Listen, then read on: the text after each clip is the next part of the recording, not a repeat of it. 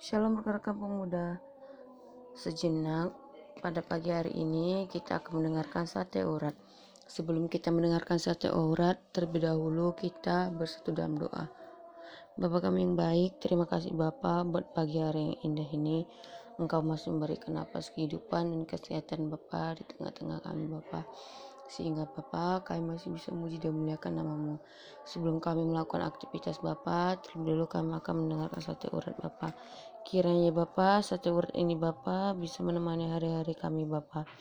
Hanya donamu Bapak, dalam Tuhan Yesus aku mengucap syukur. Amin.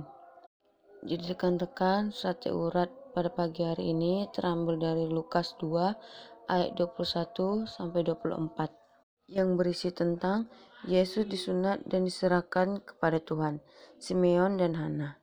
Dan ketika genap 8 hari dan ia harus disunatkan, ia diberi nama Yesus, yaitu nama yang disebut oleh malaikat sebelum ia dikandung ibunya. Dan ketika genap waktu pentahiran, menurut hukum Taurat Musa, mereka membawa dia ke Yerusalem untuk menyerahkannya kepada Tuhan. Seperti ada tertulis dalam hukum Tuhan, semua anak laki-laki surung harus dikuduskan bagi Allah dan untuk mempersembahkan korban menurut apa yang difirmankan dalam hukum Tuhan, yaitu sepasang burung tekukur atau dua ekor anak burung merpati. Jadi rekan-rekan penjelasan untuk ayat firman Tuhan tersebut adalah keluarga yang taat.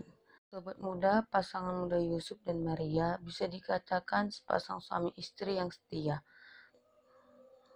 Ketaatan dan kesetiaan mereka dibuktikan dengan melaksanakan aturan keagamaan sesuai hukum Taurat, yaitu berkaitan dengan kelahiran anak laki-laki. Peraturannya adalah menyunatkan anak pada hari ke-8, memberikan nama dan menyerahkan anak laki-laki pertama itu kepada Tuhan. Maria dan Yusuf juga mematuhi perkataan malaikat dan memberi nama Yesus kepada sang bayi yang baru lahir itu.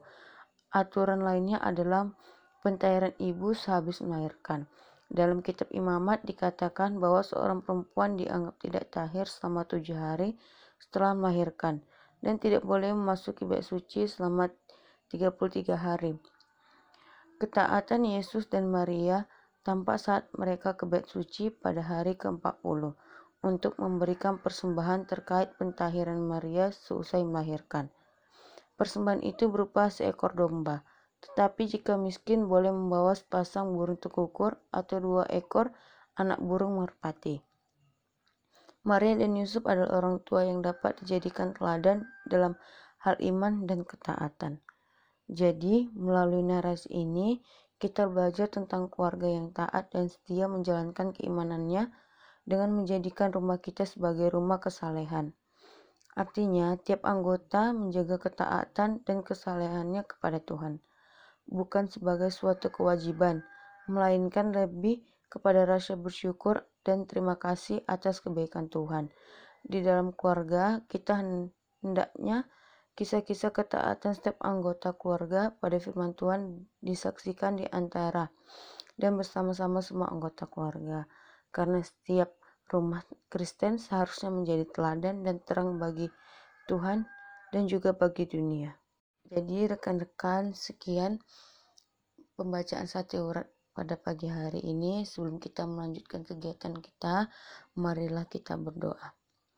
Bapak yang baik, kami sudah membaca sebagian dari firman Bapak. Kiranya Bapak, firman Bapak bisa membimbing kami Bapak untuk menjalankan hari-hari kami Bapak. Berkati Bapak kami dalam pekerjaan kami Bapak. Berkati Bapak kedua orang tua kami juga Bapak. Bapak hanya doa Bapak dalam Tuhan Yesus aku mengucap syukur. Amin.